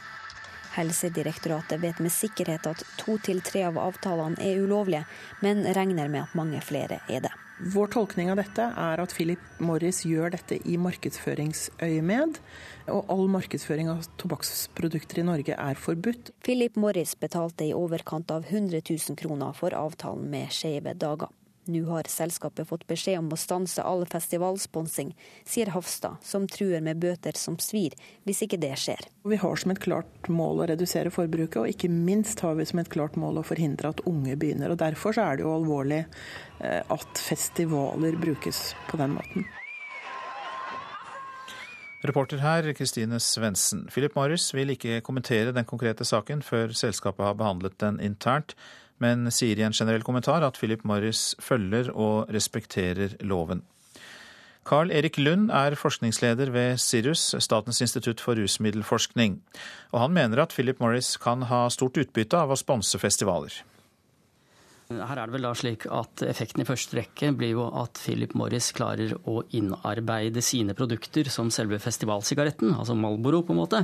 Akkurat som Kvikk Lunsj er tursjokoladen, så blir på en måte Malboro rockerøyken. Og for det andre så er det jo slik at eh, røyking da kanskje betinges inn som en naturlig del av kulturopplevelsen. Eh, at røyking da hører med i repertoaret av den atferd som vi da viser når vi er på festival, på en måte. Mm. Men noen vil eh, kunne argumentere med at tobakk er et lovlig produkt, og at sponsing av festivaler heller ikke er eh, ulovlig, og at dette egentlig da ikke bør være noe problem? Ja, nå er ikke jeg jurist og skal ikke legge meg opp i tolkningen av dette. Ehm, men jeg synes det er all grunn til å forstå at Helsedirektoratet reagerer på, på, på denne omfattende sponsingen. Tror du Philip Morris eh, er alene om dette? Nei, det vet vi at de ikke er. Eh, nå er det litt uklart hvor mange som driver med sånn type sponsing i Norge. Men vi vet internasjonalt så er dette omfattende. Og mange av de aller største tobakksselskapene holder jo på med akkurat det samme. Karl Erik Lund fra Statens institutt for rusmiddelforskning. Søket etter Sigrid Skjetne pågår fortsatt i Oslo. Politi, hundrevis av frivillige og Røde Kors hjelpekorps er aktivt med.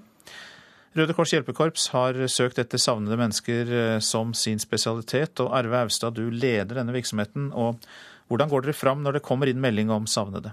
Ja, først så forholder vi oss til politiet. Det er alltid politiet som leder eh, ettersøkninger i, i Norge. Eh, da starter vi med å prøve å finne mest mulig ut om den, den savna, sånn at vi kan klare å finne et, et område som er mest sannsynlig å leite etter. Når vi har et sånt uh, område, så deler vi det inn i, i mindre teiger og, og, sender ut av mannskaper i, det, i de områdene da, som vi tror at det er mest sannsynlig å finne en savna. Hva ser dere spesielt etter? Ja, det, kan, altså det, er selvfølgelig den, den savna, uh, men vi ser også etter gjenstander da, som kan hjelpe oss videre i, i søket. Og Hva er det viktig å tenke på når man er med i et slikt søk? Uh, Det er veldig viktig også å være konsentrert hele tida. Et øyeblikks med uoppmerksomhet kan, kan, være akkurat da som vi passerer den, den savna, så man må være veldig konsentrert. Vi må være veldig grundige hele tida, være sikre på at alle områdene som vi er i, at de faktisk er gjennomsøkt. Eh, og så finner vi i, mange tilfeller så finner vi enten hardt skada personer eller døde personer, sånn at man må være mentalt forberedt på, på det man kan finne. Du har deltatt i søket etter 16-åringen mm. i Oslo, Sigrid Skjetne. Og det pågår jo fortsatt. Eh, kan du si noe om eh, de spesielle metodene dere bruker i dette tilfellet? Innledende så, så prøver man å, å, søke på sånn måte at man kommer over litt større områder og får oversikt over området. Uh, utover søket så har det gått mer over til å være et uh, manngardssøk, uh, fordi at man har da konkrete funn som man går ut fra. Og, og, terrenget er på en sånn måte at det er veldig, veldig tett, og man må søke på en veldig grundig måte. Så hvordan fungerer det med, med manngard? Hva vil det i realiteten si? Ja, så Manngard er et type søk der man, man stiller seg opp på linje. Eh, og, og, søker gjennom eh, området kvadratmeter for kvadratmeter, sånn at man er helt sikker på at absolutt alle deler av søket er, eh, søksområdet er dekket. Dere har kalt inn mannskap fra sju fylker i denne aksjonen som pågår. Er det utenom det vanlige? Nei, Det gjør vi ofte i, i tilfeller der søket pågår over mange dager. Eh, det enkelte korps i den kommunen der man har en eh, aksjon, eh, der vil jo mannskapene bli utslitt etter hvert. Og da kaller man inn mannskaper fra nabokommuner og nabofylker. Mange takk for at du tok deg tid til å komme hit, Arve Austad, som da leder savnetavdelingen for Røde Kors hjelpekorps. SAS har nettopp lagt fram nøkkeltall for andre kvartal. De viser en økning i passasjertall og et overskudd på drøyt 300 millioner kroner, hvorav halvparten skyldes eiendomssalg. Det skriver E24. Og vi har med oss deg, professor ved Norges handelshøyskole i Bergen, Siri Strandenes. Hvordan vurderer du disse tallene mm, i forhold til hva som var forventet? Tilfredsstillende, men eh, det er eh, positive tall i motsetning til første kvartal. Nå er det vanlig at eh, sommerhalvåret går bedre. Og som SAS selv sier, at de er ikke helt fornøyd med resultatene. Nå har vi jo hørt mye dårlige tall fra SAS i det siste. Hvor avgjørende er det nå at det er mer tilfredsstillende? Kan du gjenta det? Hvor viktig er det at resultatet er blitt det det er nå, altså bedre? Selvfølgelig er det viktig at eh, du har et positivt resultat, men som jeg sa så er sommerhalvåret, altså annet og tredje kvartal, viktig for inntjeningen. For om vinteren så er det dårligere inntjening. Eh, så, så det burde vært høyere. Men eh, Dagens Næringsliv skrev i går at analytikerne regner med et års underskudd. Hvor lenge kan SAS fortsette med negative resultater? Eh, de kan jo ikke fortsette evig med negative resultater, da må de ha kapitaltilførsel. Eh, nå er jo også dette resultatet eh, preget av et eiendomssalg som gir et positivt tilskudd. Og man kan heller ikke fortsette å selge ut eiendeler. Så, så det er en krevende situasjon. Men et positivt trekk at det ikke var negativt resultat nå også. Hvordan vurderer du at Norwegian har klart å passere SAS både i børsverdi og markedsverdi? Hva er det de har gjort? Norwegian har en helt annen struktur. Det er et uh, selskap med, som ikke er av disse nettselskapene. Og dermed har man lavere kostnader. Uh, og så har de en, hatt en større fleksibilitet ved å være ny og vokse seg inn i markedet. Så det er ikke helt uh, lett å sammenligne de. Men, men eh, SAS kan ikke fortsette å, tappe penger, så, så, de har problemer. Det har også andre nettselskaper. Dette eh, som påpekes for europeiske selskaper, at passasjertallet øker. Det er positivt. Men samtidig så øker ikke resultatene i samme grad. Én grunn er flybensinprisen. Den har falt lite grann, men den er fremdeles høy. Mange takk for at du var med i Nyhetsmorgen, Siri Strandenes, professor ved Norges handelshøyskole i Bergen.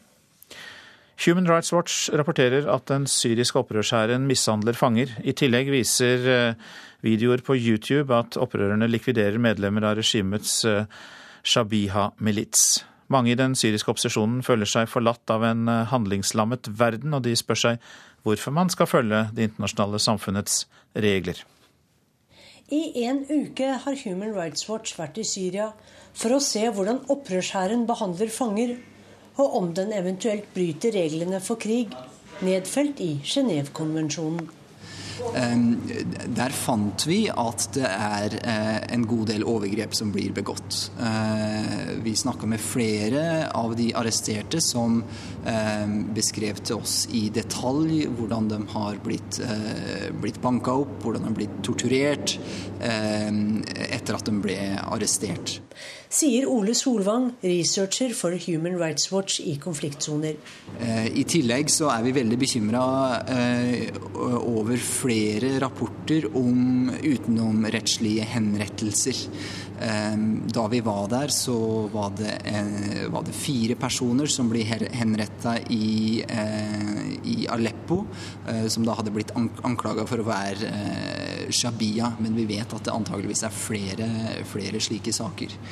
Og det er klart, både bruk av tortur og disse utenomrettslige henrettelsene er veldig alvorlige overgrep av forbrytelser mot internasjonal lov og rett. Vi spurte en opprørssoldat om hvorfor de henretter etter uten lov og dom.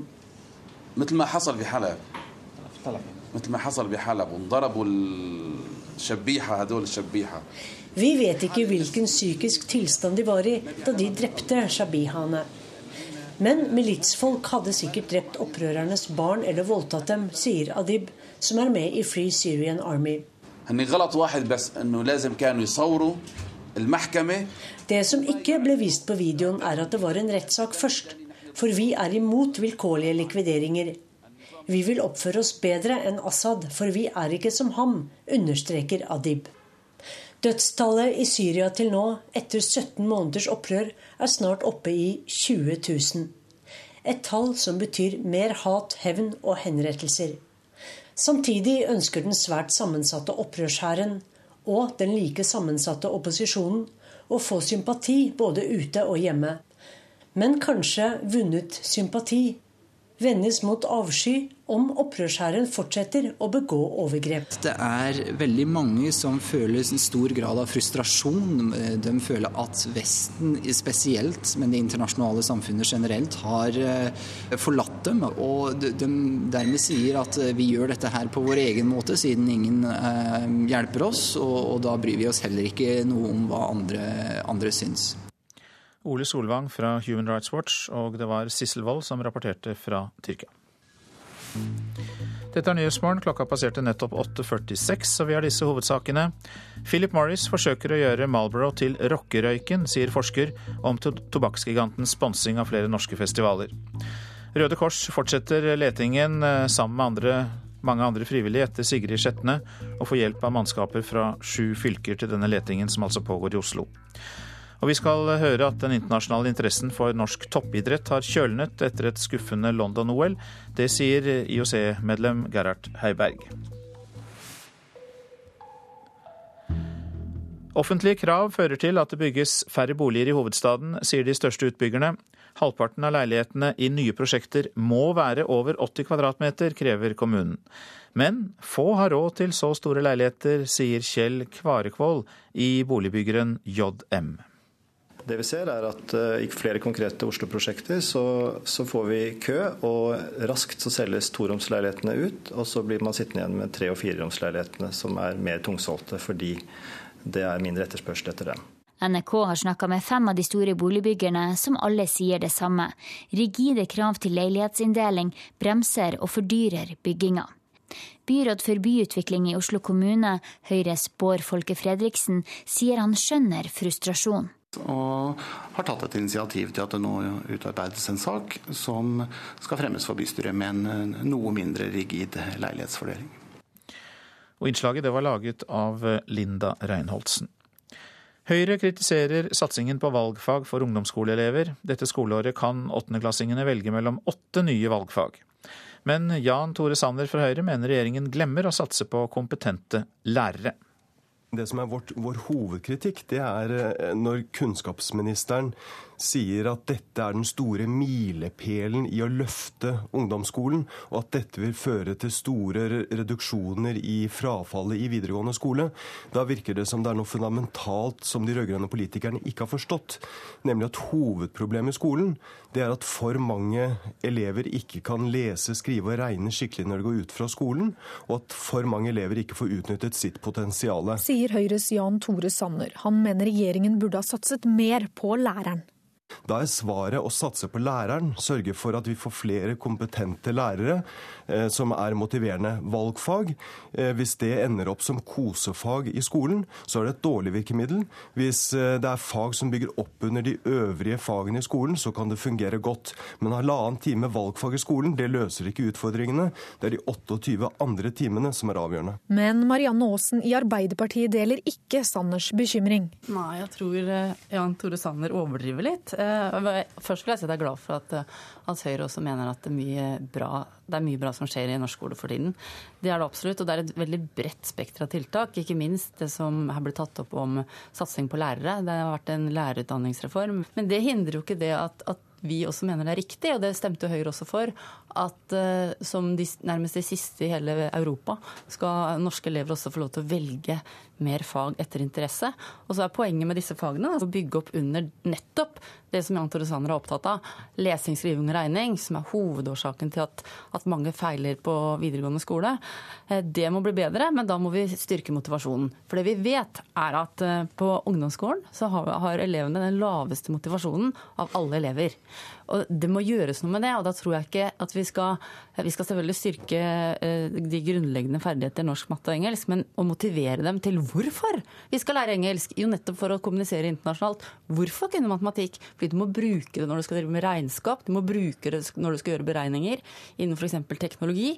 Da øker motivasjonen, og da bygger du opp under de andre fagene fra et ordskifte i Politisk kvarter, og det var Veronica Westrin som hadde satt dette sammen for oss i Nyhetsmorgen.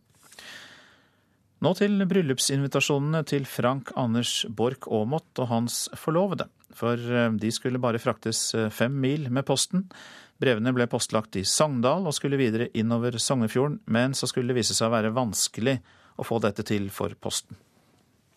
Jo kjedelig hvis noen ikke kommer i bryllupet om vi spør hvorfor ikke, så å få vite det at eh, nei, jeg ble jo aldri invitert. Den 27. oktober skal Frank Anders Borch Aamodt og forloveden gifte seg i Jølster, og den 10. juli sendte de ut bryllupsinvitasjonene. Fem av de skulle til venner og familie i Øvre Årdal, og invitasjonene ble sendt fra Sogndal. Det skulle forskjellige plasser, men uh, de fleste fikk de jo dagen etterpå, bortsett fra de som uh, bodde i Øvre Årdal. De fikk ikke invitasjonene. Så begynte jo noen å komme i retur. Og, eh, og andre dukka jo eh, først opp nå i forrige uke, og da eh, hadde de vært i posttempla Danmark. Bryllupsinvitasjoner blir det stort sett lagt en del arbeid i, og disse var ikke noe unntak. Det var jo et nøye utvalgt eh, papir som ble brukt, så alle ble jo skrevet på eh, med, med håndskrift og eh, ble pakket inn i brunt papir. Og så hadde vi da smelta på voks og som godt gammeldags sånn voksstempel på, på, alle invitasjonene for å, å, lage et litt sånn personlig preg av det. da. Vi måtte jo til slutt invitere alle via Facebook. Fordi eh, vi fant ut at det var en måte vi kunne på en måte sikre oss at, eh, at da har de mottatt invitasjon. Post på Vestlandet går til Bergen for sortering, men A-post skal vanligvis ikke bruke mer enn én dag på å komme fram til mottaker. Ruta Sogndal-Bergen-Øvre Årdal er om lag 500 km, men i stedet for tok invitasjonene en omvei på om lag fire ganger avstanden. Det som trolig har skjedd, er at eh, disse invitasjonene som skulle til Årdal, de har gått til Danmark i, i stedet. Rett og slett fordi vi sorterer maskinelt og ikke manuelt. Og så har uh, maskinen vår da uh, forveksla postnummeret i Årdal med et postnummer i Danmark. Det sier Hilde Ebeltoft Skaugrud, pressesjef i Posten. Invitasjonene kom enten i retur eller fram til rett mottaker til slutt. Men Ebeltoft Skaugrud sier dette ikke er en vanlig omvei. Nei, og vi beklager, uh, beklager, på det sterkeste. Og så håper jeg at bryllupsinvitasjonen har kommet fram i tide, sånn at gjestene kommer seg i, i bryllupet. Eh, og når det gjelder eh, disse frimerkene, eh, brudeparet har måttet kjøpe på nytt. Så mm, får de stikke innom postkontoret i Sogndal, så skal de få kompensasjon for det. Det kommende ekteparet er ikke sinte på Posten, og sier at ting skjer. Men Aamodt sier han ble litt nervøs. Det jeg er bekymra for, er jo at uh, familiemedlemmer ikke skal ha fått invitasjonen enda, og som tror de ikke er invitert. For de har fått hørt om uh, bryllupet fra andre slektninger. Ja, for det kan by på en del uh, pinlige situasjoner? Ja, det, det, er jo klart at uh, det er ikke populært hvis en lar være å invitere folk til, uh, til et bryllup. Så om du bor i Årdal og kanskje venter på en bryllupsinvitasjon, så kan det være den bare har tatt en svipptur innom vårt naboland i sør. Ja, det er jo hyggelig med dansker i bryllup, men eh, kanskje ikke istedenfor slektningene. Reporter her, det var Sondre Dalaker. Stadig flere eldre ønsker å ta høyere utdanning, viser tall fra Samordnede opptak, som eh, omfatter søkere til utdanningsgrader som bachelor eller master. I 2012 så søkte nesten 6000 personer over 40 år seg inn på høyere utdanning. Det skriver Vårt Land. Tallet på søkere over 60 eh, år har økt med 38% siden 2011, og det stiger for alle aldersgrupper. Så litt mer fra avisene. Reddet av trønderne, skriver Adresseavisen. Kari Aalvik Grimsbø, Marit Malm Frafjord og Gøril Snorveggen var viktige i seieren mot Brasil men keeperhelten Grimsbø vurderer å gi seg med håndballen neste år. Huset til familien Knutsen i Mjøndalen er på Aftenpostens forside. Det er nesten helt undergravd av vann fra flommen i går. Vi må forberede oss på mer ekstremvær, sier Norges vassdrags- og energidirektorat. Mer nedbør, flommer og ekstremvær, det er også oppslaget i Dagsavisen. Klimaeksperter advarer oss mot en ny virkelighet. Kom deg ut og nyt sola, skriver derimot Nordlys. Meteorologene varsler smak av sommer i nord. Luksusshopping rett opp, kan vi lese på førstesiden av Dagens Næringsliv. Bilsalget nærmer seg jappetida. Champagnekorkene spretter. Og det er to års ventetid på eksklusive klokker og håndvesker. SV-leder Audun Lysbakken vil vrake statens voldgiftssystem, leser vi i Klassekampen. Etter regjeringens bruk av tvungen lønnsnemnd mot to streiker i sommer, vil Lysbakken vrake dette systemet. 28 år gamle og hjemløse Alf er på forsiden av Bergensavisen. Han takker, takket nei til hospitsplass i 2010 og bor i bilen på femte året. Bergen er den byen som har flest bostedsløse her i landet, skriver BA. Tror bygdepolitiet kunne tatt Breivik, skriver Nasjonen. Politiets fagforeningsleder Arne Johannessen tror et mer synlig bygdepoliti kunne avverget 22. Og han frykter at 22. juli-kommisjonens rapport i stedet vil bli brukt som brekkstang for økt politisentralisering. Klappjakt på mystisk bil er oppslaget i Dagbladet. Det er politiets eh, beste spor le i letingen etter Sigrid Giskegjerde Skjetne i Oslo. Politiet jakter på sexforbryter, skriver VG. Avisa viser en fantomtegning av en mann som sjekkes mot forsvinningen av 16-åringen, og eh, DNA-spor knyttes til tre tidligere overgrep.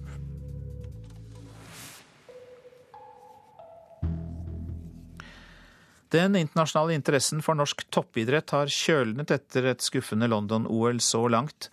IOC-medlem Gerhard Heiberg tror andre nasjoner mener den norske modellen er utdatert. Det er litt interessant. Etter eh, Aten f.eks., og delvis etter eh, Sydney, så var det mange som kom til meg og spurte hvordan en liten nasjon som Norge kan gjøre det så bra.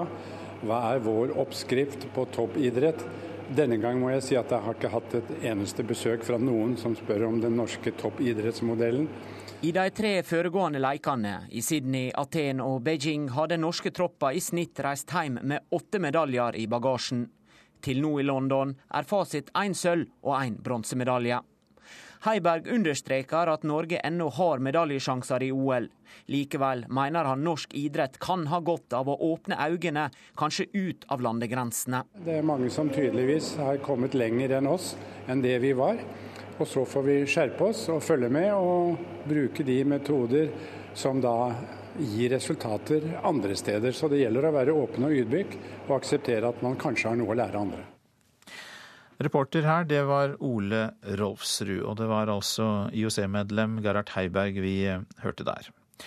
Så noen ord om eh, hvordan været blir i dag. Mye pent vær, kan vi vel si. For det mye av landet. Østafjells og fjell i Sør-Norge, liten kuling vest for Lindesnes, enkelte regnbyger, men perioder med sol. Og det blir få eller ingen byger på Sørlandet. Rogaland og Hordaland tar vi i ett. Liten kuling på kysten av Rogaland, til dels stiv kuling i sør, enkelte regnbyger. Så tar vi hele strekningen Sogn og Fjordane, Møre og Romsdal og Trøndelag. Enkelte regnbyger, flest byger i Møre og Romsdal. Nordland og Troms mye pent vær, men utrygt for enkelte regnbyger i indre strøk. Finnmark nær kysten kan det bli enkelte regnbyger, men ellers mye pent vær også i Finnmark i dag. Nordensjøland på Spitsbergen. Der blir det delvis skyet eller eh, skyet oppholdsvær. Temperaturer som vi har fått inn eh, fra meteorologiske, og de er målt klokka sju. Svalbard lufthavn fem, Kirkenes sju, Vardø også sju. Alta ni, Tromsø-Langnes sju, Bodø og Brønnøysund begge elleve. Trondheim-Værnes ti grader, Molde ni. Bergen-Flesland og Stavanger 11, Kristiansand-Kjevik 14. Gardermoen og Lillehammer 11, Røros 6 grader og Oslo-Blindern 13 grader. Ansvarlig for radionyhetene på morgenen, Ragnhild Bjørge. Produsent for Nyhetsmorgen, Øsker Tufan. Teknisk ansvarlig, Per Ivar Nordahl. Her i studio, Øystein Heggen. Og på P2 kommer samfunnsprogrammet Ekko etter Dagsnytt. Alltid nyheter sender en reprise av Nyhetsmorgen.